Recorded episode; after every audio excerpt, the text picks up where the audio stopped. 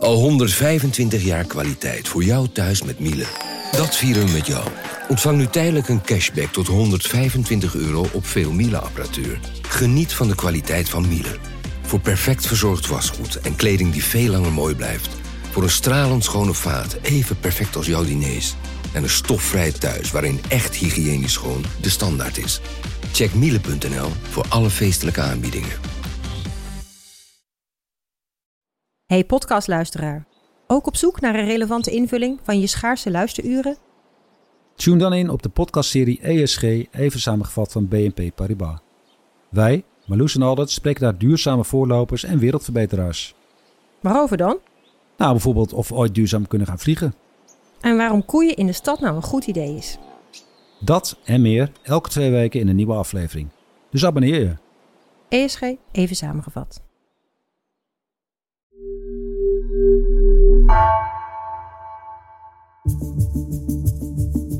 Vanaf de redactie van NRC het verhaal van vandaag. Mijn naam is Thomas Ruip.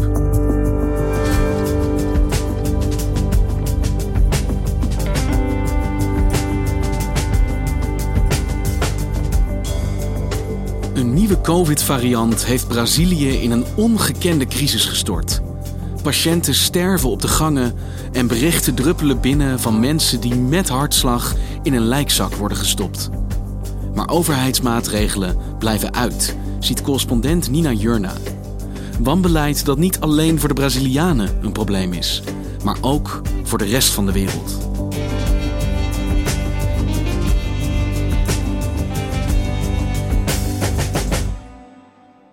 Deborah die woont met haar moeder in een voorstad in het noorden van Rio de Janeiro. En half maart kreeg uh, haar moeder op een gegeven moment klachten, uh, voelde zich niet lekker, druk op de borst, moest hoesten. En Deborah besloot om haar moeder naar het ziekenhuis te brengen. Nou, ze komt daar aan en uh, moet je voorstellen, het is een groot publiek ziekenhuis met een afdeling voor de eerste hulp. Maar daarnaast ook nog een aparte COVID-afdeling. Omdat in, in juist uitgerekend in die voorstad het aantal COVID-slachtoffers al een jaar lang heel erg hoog is. De moeder die, uh, die komt daar binnen. En de arts die, die op basis van de eerste symptomen denken ze al dat het om COVID gaat. Ze gaan een test doen.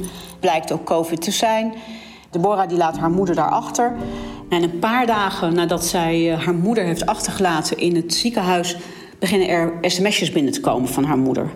Teksten als: Help me, haal me hier weg. Ik krijg hier helemaal geen hulp. Uh, ik krijg geen zuurstof. Ik heb honger. Ik heb het dorst. Ik lig hier tussen, tussen 50 mensen op de gang. Een oproep van blinde paniek. Haal me hier weg. Kom me halen. Je voelt als het ware, als je het leest, voel je de, de, het schreeuwen erin. Zo, zo, toen ik het ook las, toen ze het mij liet lezen, Deborah, van jeetje, dit is een panieksituatie uh, waar haar moeder in verkeert. Vervolgens krijgt Deborah op dezelfde telefoon, van hetzelfde nummer, krijgt ze audioberichten via WhatsApp. En haar moeder, die spreekt dan in dat ze van haar laatste geld, de laatste 7 real, en dat is omgerekend iets van uh, 1,50 euro, heeft ze nog 4G op haar telefoon gezet. En daardoor kan ze dus die audioberichten sturen. En dan komt er een hele stroom van audioberichten. Gente, eu consegui colocar 7 reais de crédito. Waarin je de moeder zwaar ademhalend, happend naar lucht hoort praten met op de achtergrond een enorm lawaai van de ja, ademhalingsapparaten. Maar je hoort dus die moeder uh, berichten: haal me hier weg. Uh, wil je dat ik hier dood ga? Ik lig op de gang, niemand kijkt naar me om. Me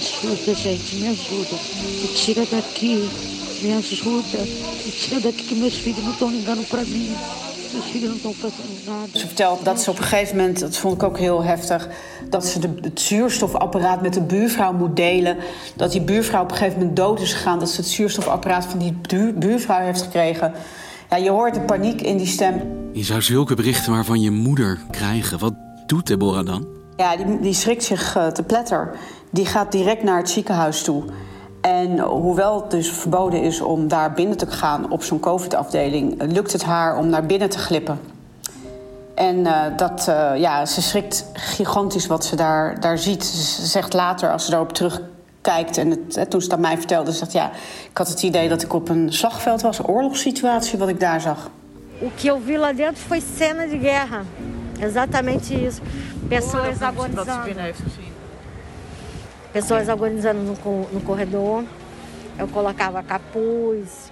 Ze ziet haar moeder liggen op een gang met zeker uh, 20, 30 mensen. Sommige mensen hangen over stoelen heen. Uh, sommigen liggen op een, op een dun matrasje. Uh, haar moeder die ziet er veel erger uit dan het moment dat ze haar moeder daar heeft achtergelaten. De moeder heeft dagen niet gegeten. Dat ze ook niet verschoond wordt. Ze ligt in, in een luier. En achteraf zegt die moeder ook dat ze uh, gewoon een hele week in dezelfde luier heeft gelegen. As roupas de cama, porque as roupas de cama dela estavam encharcadas de urina. Porque... Haar, haar laten helemaal onder, onder, uh, onder de plas, want ze werd ook niet naar de wc gebracht. Porque ela não ajuda ela para ir para banheiro. Não, nem trocar uma fralda. Muitas... Werden niet verwisseld. Muitas pessoas que estão sendo internadas Minha mãe ficou do dia 19 ao dia 26 com a mesma fralda.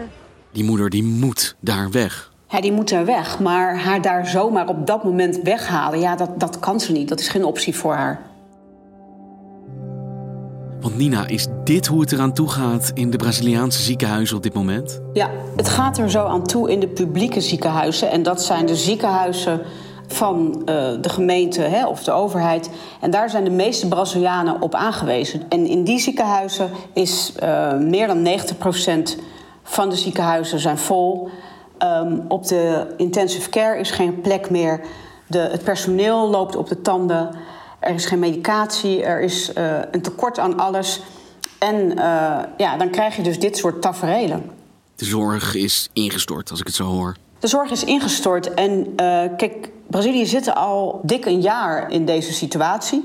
En wij hebben eigenlijk hier nooit een moment gehad dat het aantallen minder zijn geweest. Dus die gezondheidszorg, die collapse heeft zich opgebouwd. Maar er is ook nooit een moment geweest dat het even zich kon herstellen. Dat personeel op, op adem kon komen.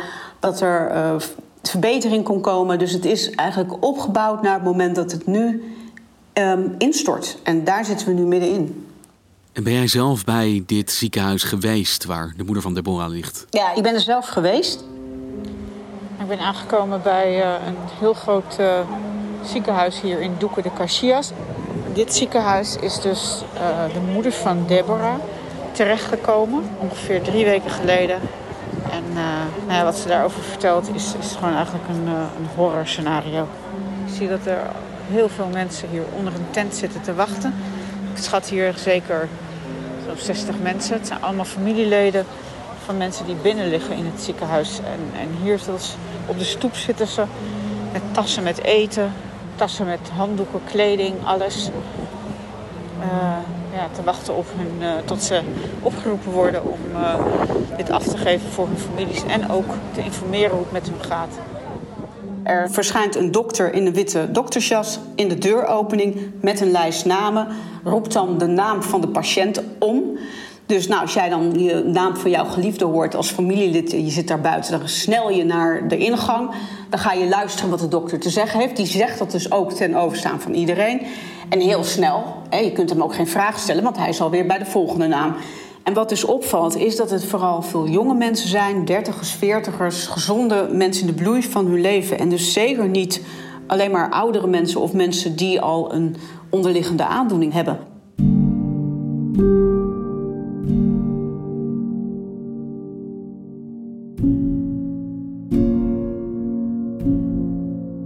Ja, want dit zijn de uitwassen van wat we inmiddels de Braziliaanse COVID-variant zijn gaan noemen. Ja, klopt. Het wordt hier ook wel de Manaus-variant genoemd. Hè. De Manaus dat is een stad in het uh, noorden van Brazilië, in de Amazone. Dat is waar deze variant uh, ja, ontstaan is. Op dit moment is 60 tot 80 procent van de COVID-besmettingen is deze nieuwe Manaus, uh, Brazilië-variant P1, zoals wetenschappers hem noemen. En die overrult dus eigenlijk uh, de andere variant. En wat is die Braziliaanse variant precies? Wat is het verschil? Nou, het grote verschil is dat deze variant volgens wetenschappers veel besmettelijker is. Die kan ook jonge mensen, gezonde mensen treffen. Dus Het is een in die zin veel gevaarlijker variant, maar ook ja, jij en ik, bij wijze van spreken, lopen ook gevaar. En dat maakt ook dat de alarmsituatie ook, uh, ook wel een stuk hoger is. En het voor veel meer mensen, veel grotere groep mensen ook dichterbij komt.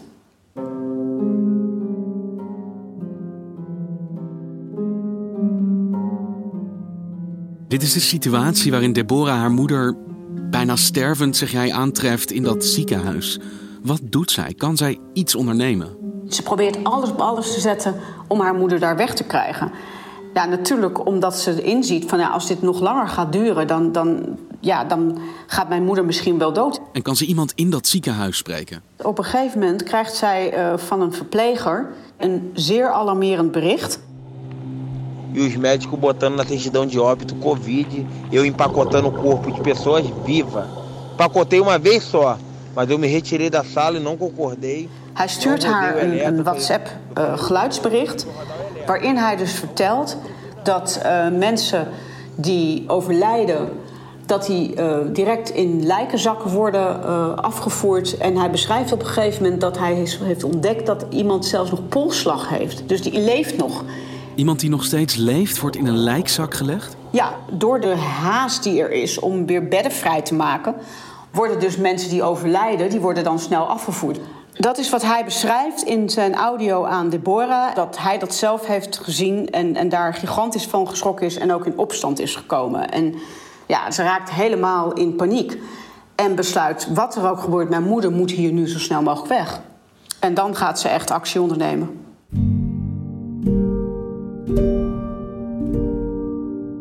En hoe gaat ze dat doen? Deborah werkt voor de gemeente en ze zet dus haar contacten in bij de gemeente, maar ook bij de politie. Ze gaat met de audioberichten uh, van haar moeder en haar WhatsApp-berichten stapt ze naar de lokale media. Uiteindelijk lukt het haar om haar moeder daar weg te krijgen en verlaat haar moeder het ziekenhuis met een uh, ambulance, loeiende sirenes aan de beademing. Maar Deborah weet niet waar haar moeder naartoe wordt gebracht. En Nina, Deborah heeft, als ik het zo hoor, de connecties, de intelligentie, het doorzettingsvermogen om ja, veel te kunnen doen voor haar moeder. En het lukt haar dus uiteindelijk ook om haar uit die situatie weg te halen. Maar dat lijkt me voor veel Brazilianen helemaal niet zo mogelijk. Dit klinkt als een land dat aan de rand van de afgrond staat op dit moment. Nou ja, absoluut. Het is voor heel veel mensen ook niet mogelijk. En um, dat maakt ook dat heel veel mensen ook niet naar het ziekenhuis durven te gaan. Omdat ze ook bang zijn dat als ze daar met lichte klachten komen... dat ze daar uiteindelijk misschien wel veel slechter uitkomen. Waardoor ook heel veel mensen thuis sterven en, en ook niet worden opgenomen in de cijfers. Maar dat is gewoon eigenlijk een hele absurde situatie. Maar dat is wel de realiteit in Brazilië momenteel. En hoe gaat de overheid met deze realiteit om? Nou ja, dan wordt er gevraagd door journalisten aan de president, president Bolsonaro, hè, wat, wat hij daarvan vindt. En het enige wat hij zegt, de economie moet open blijven, uh, alles moet doorgaan. Dus de, de overheid in deze is eigenlijk al het hele jaar niet aanwezig. Want hoe adresseert Bolsonaro op dit moment de situatie die jij beschrijft? Hoe spreekt hij hier dan over publiekelijk? Ja, dan dat zijn het allemaal in de terminologie van... Uh, ja, we gaan allemaal een keer dood. Uh, ja, ik kan er niks aan doen. Ik, uh, ik ben geen begrafenisondernemer. Hè. Als hem gevraagd, werd hem gevraagd... God, wat vindt u ervan dat er zoveel doden zijn? Nós temos que enfrentar os nossos problemas. Chega de frescura, de mimimi. Vamos ficar chorando até quando? Temos que enfrentar os problemas. Respeitar, obviamente, os mais idosos.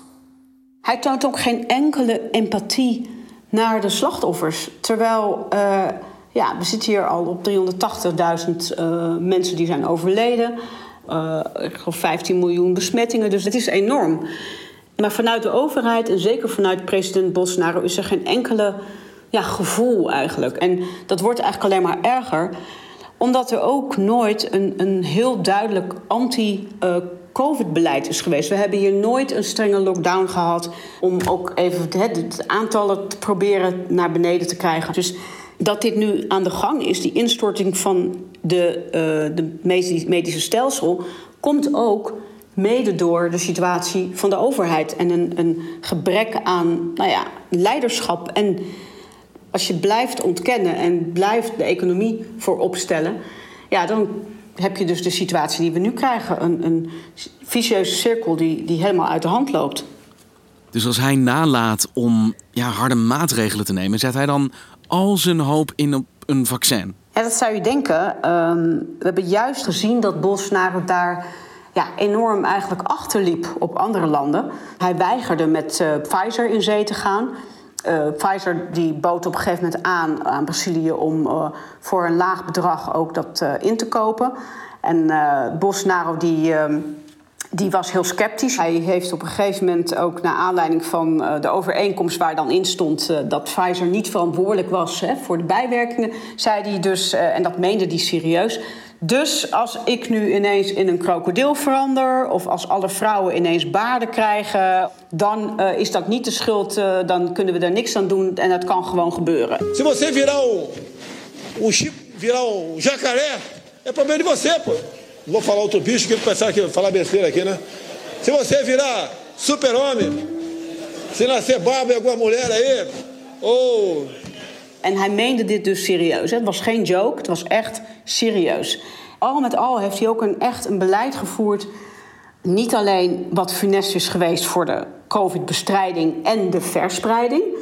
Maar ook heeft hij bewust ook um, zich tegen uh, vaccins gekeerd. Waardoor we dus nu in de situatie zitten dat slechts 10% uh, van de bevolking op dit moment gevaccineerd is. Want een populist die nalaat om impopulaire economische maatregelen te treffen, daar kan ik me nog enigszins iets bij voorstellen. Maar als iedereen sterft door zijn beleid of dat gebrek eraan, dat kan toch ook niet in zijn belang zijn? Al is het maar omdat hij dan, lijkt mij, niet wordt herkozen.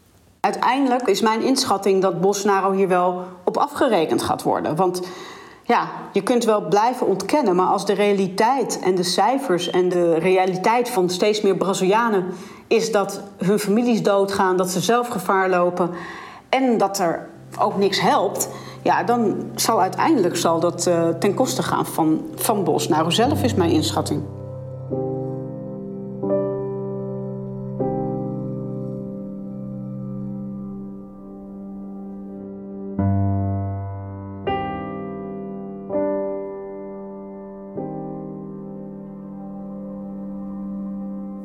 Is een Braziliaans probleem, maar het is natuurlijk ook niet alleen een Braziliaans probleem. In Nederland steekt die Braziliaanse variant inmiddels ook de kop op. En op een bepaalde manier is toch de hele wereld de dupe van Braziliaans wanbeleid. Dat klopt. Um, het is eigenlijk helemaal geëscaleerd. Het is uh, de grenzen overgegaan. Brazilië wordt nu zelfs al een gevaar voor de wereld genoemd. Dus als dit zo doorgaat, wordt Brazilië een paria. Je ziet ook dat steeds meer uh, landen hun grenzen sluiten. Hè, uh, Air France wil niet meer vliegen. De KLM vliegt nog wel, maar voor hoe lang? En de ogen van de wereld zijn dus wel op dit moment echt ook op Brazilië gericht. Al is het misschien ook een beetje uit eigen belang. Nou ja, dat is eigenlijk wel zo, uh, Thomas, hoor, denk ik. Want kijk, ik ben al een jaar lang langer uh, verhalen aan het maken over de situatie in Brazilië, over de, de gezondheidszorg die, die in aan het storten is. Dus ja, nu gaan we echt pas goed de alarmbellen af, ook in het buitenland, omdat het nu ook het buitenland treft. Dus ja, ergens uh, ja, natuurlijk wel weer heel cynisch. Uh, maar ik ben al lang blij dat er nu ook echt heel veel aandacht voor is. En toch misschien een methode om de nationale regering hier onder druk te zetten. Misschien moet die druk wel van uit het buitenland vooral komen nu.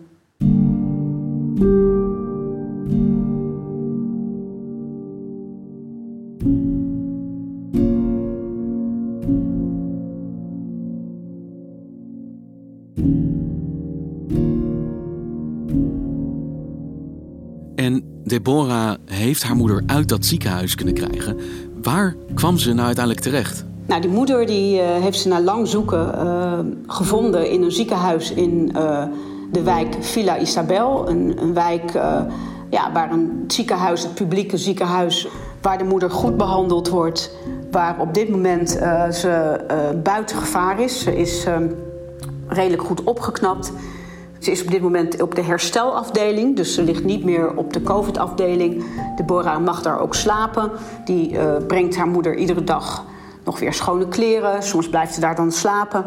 Ik heb je moeder ook gesproken en als die dan terugblikt ook wat er is overkomen... dan is ze echt nog steeds heel erg aangeslagen. Sempre chamada pedir socorro, socorro, me tiram daqui, me tira daqui que eu vou morrer. Eu só não, mas todo mundo, mas no momento eu tava pedindo socorro. Zij heeft het gered, maar zoveel anderen niet. Inderdaad. En eh, ja, dagelijks eh, sterven hier toch tussen de drie en 4000 mensen. Dus dat zijn nog eh, grote, hoge aantallen. Dankjewel, Nina. Graag gedaan. Succes daar. Dank je. Je luisterde naar vandaag, een podcast van NRC. Eén verhaal, elke dag. Deze aflevering werd gemaakt door Henk Ruigrok van der Werven, Nina van Hattem en JP Geersing. Dit was vandaag. Morgen weer.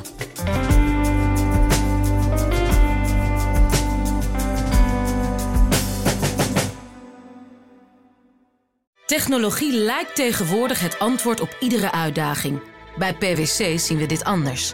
Als we de potentie van technologie willen benutten, kunnen we niet zonder een menselijk perspectief. Human-led, tech-powered noemen we dat. Ga naar pwc.nl.